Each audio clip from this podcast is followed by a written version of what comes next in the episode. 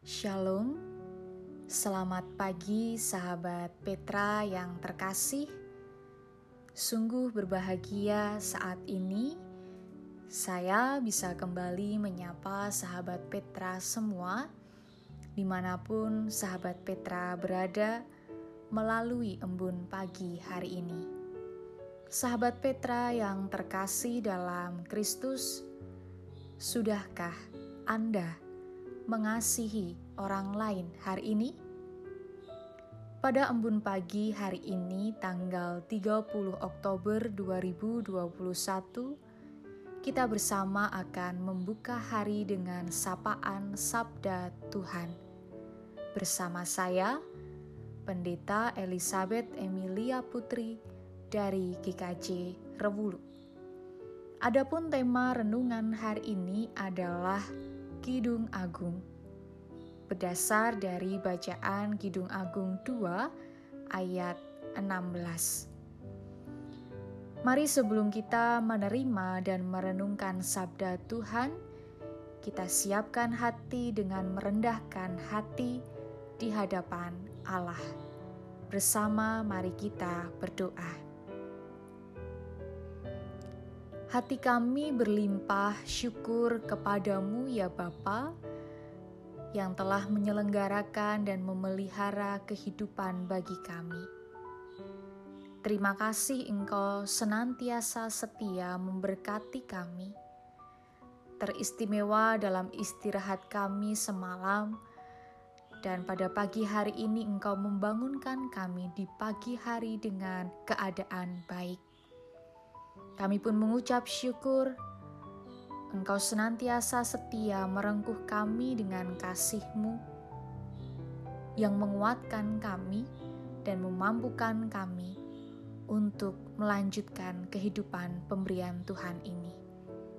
Pada saat ini ya Bapa, kami akan memulai hari dengan bersama-sama merendahkan hati untuk menerima sabdamu. Roh Kudus memberkati kami, memampukan kami untuk mendengarkan firman Tuhan dengan baik, merenungkannya, akan tetapi kami juga mampu melakukannya di dalam kehidupan kami.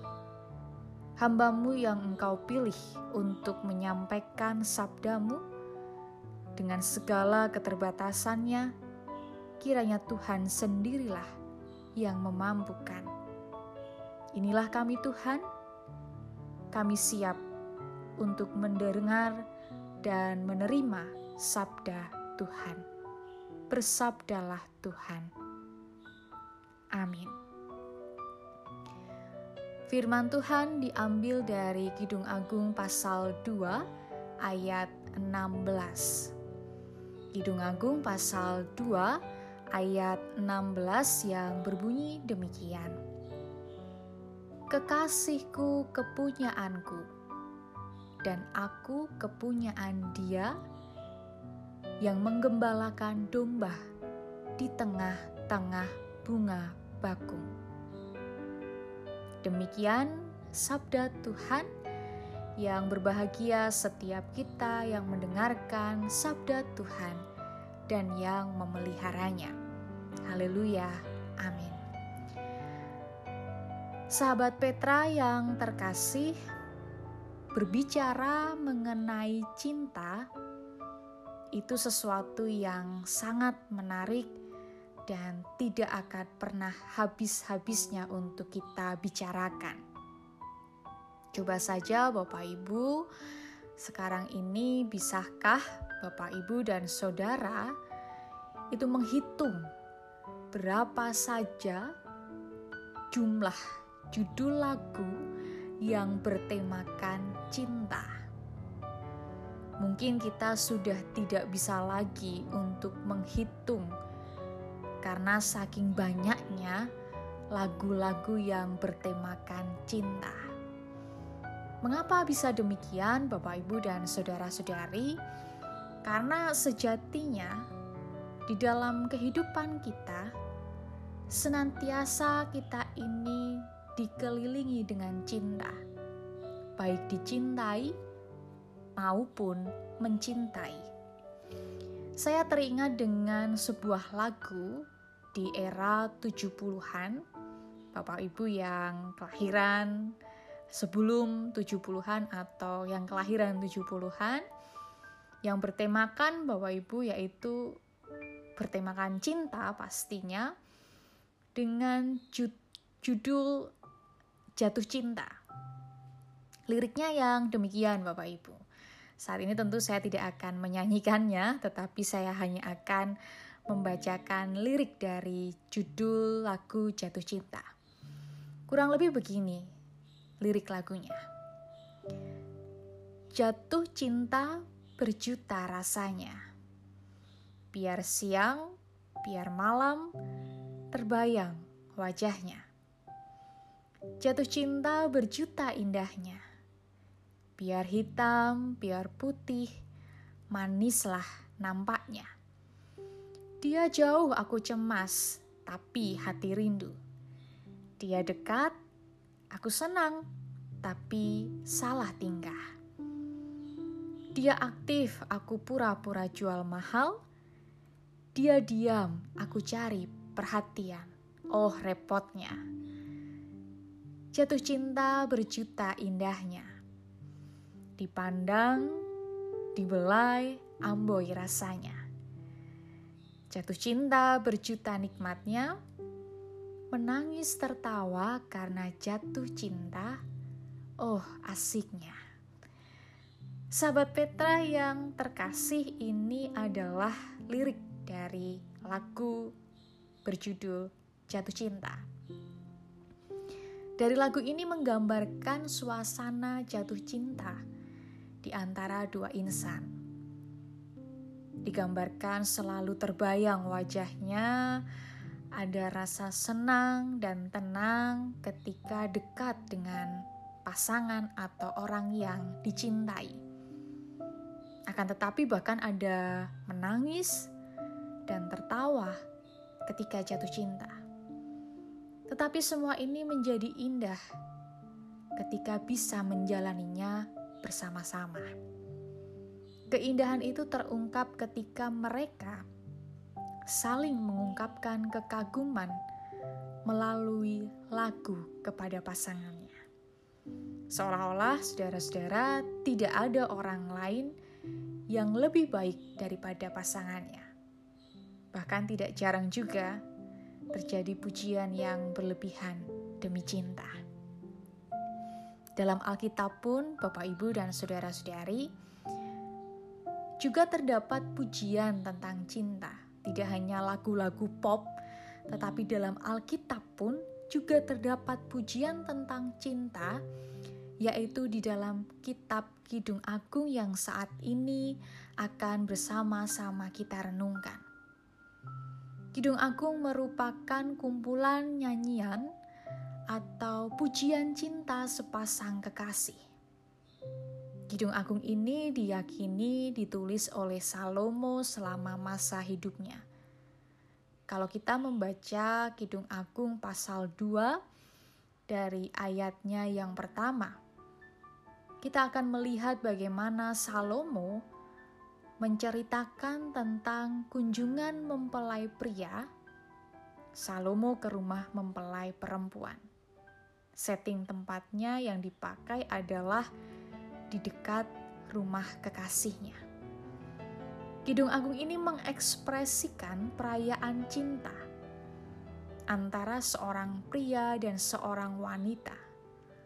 Namun sesungguhnya Kidung Agung bagi orang Yahudi itu menggambarkan relasi yang sangat intim antara Allah dan umatnya dan bagi orang Kristen diartikan sebagai relasi antara Kristus dengan gerejanya.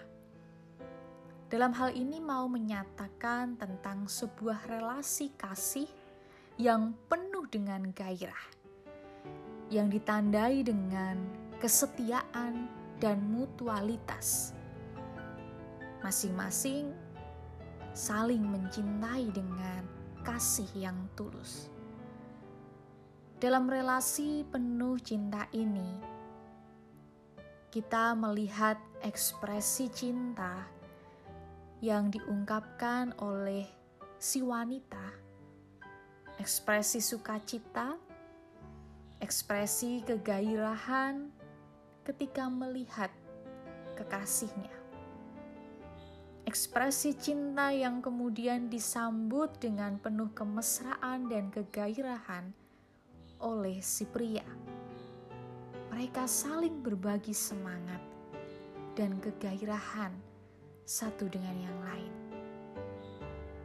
Maka saudara-saudari yang terkasih, dari Kidung Agung ini ada sebuah pelajaran yang berharga bagi kita semua, yaitu bahwa cinta merupakan anugerah Allah sebagai bagian dari penciptaan manusia. Allah memberikan cinta untuk dinikmati dan menjadi berkat bagi manusia yang lainnya. Bukan hanya cinta kepada sesama, akan tetapi cinta kepada Allah.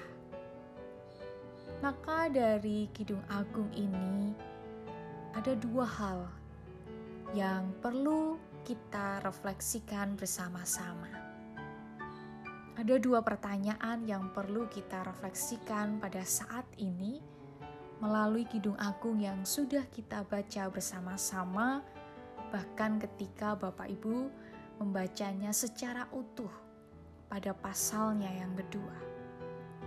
Yang pertama, Bapak Ibu, adalah bagaimana relasi kita dengan Tuhan sebagai umatnya. Lalu yang kedua, sudahkah kita berbagi cinta kasih dengan tulus kepada sesama kita? Dua pertanyaan inilah yang akan menolong kita untuk menghayati tentang cinta yang kita terima dan yang perlu untuk kita bagikan dalam kehidupan kita. Yang pertama, saudara-saudara, relasi kita dengan Tuhan. Adakah relasi yang intim dengan Tuhan pada saat ini? Mari saat ini kita mencoba berefleksi tentang relasi kita dengan Tuhan. Bagaimana dengan kedekatan kita hari berganti hari, semakin bertambah usia, semakin bertambah persoalan yang terjadi dalam kehidupan kita? Apakah kita semakin dekat dengan Tuhan, ataukah kita semakin jauh dan semakin sulit merasakan rengkuhan kasih Tuhan di dalam kehidupan kita? Adakah pujian dan ungkapan syukur kita kepada Tuhan setiap hari? dengan segala ketulusan hati kita.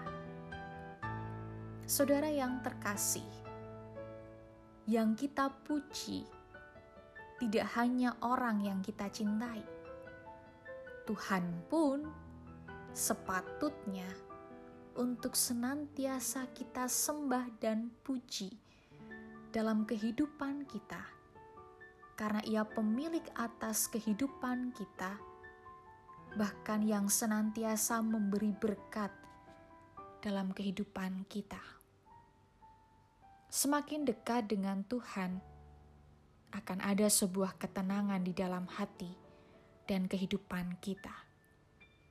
Maka, satu hal yang perlu kita lakukan saat ini adalah: mari jalinlah relasi yang dekat, intim, dan melekat erat dengan Tuhan, karena Dia adalah Sang Sumber cinta dalam kehidupan kita.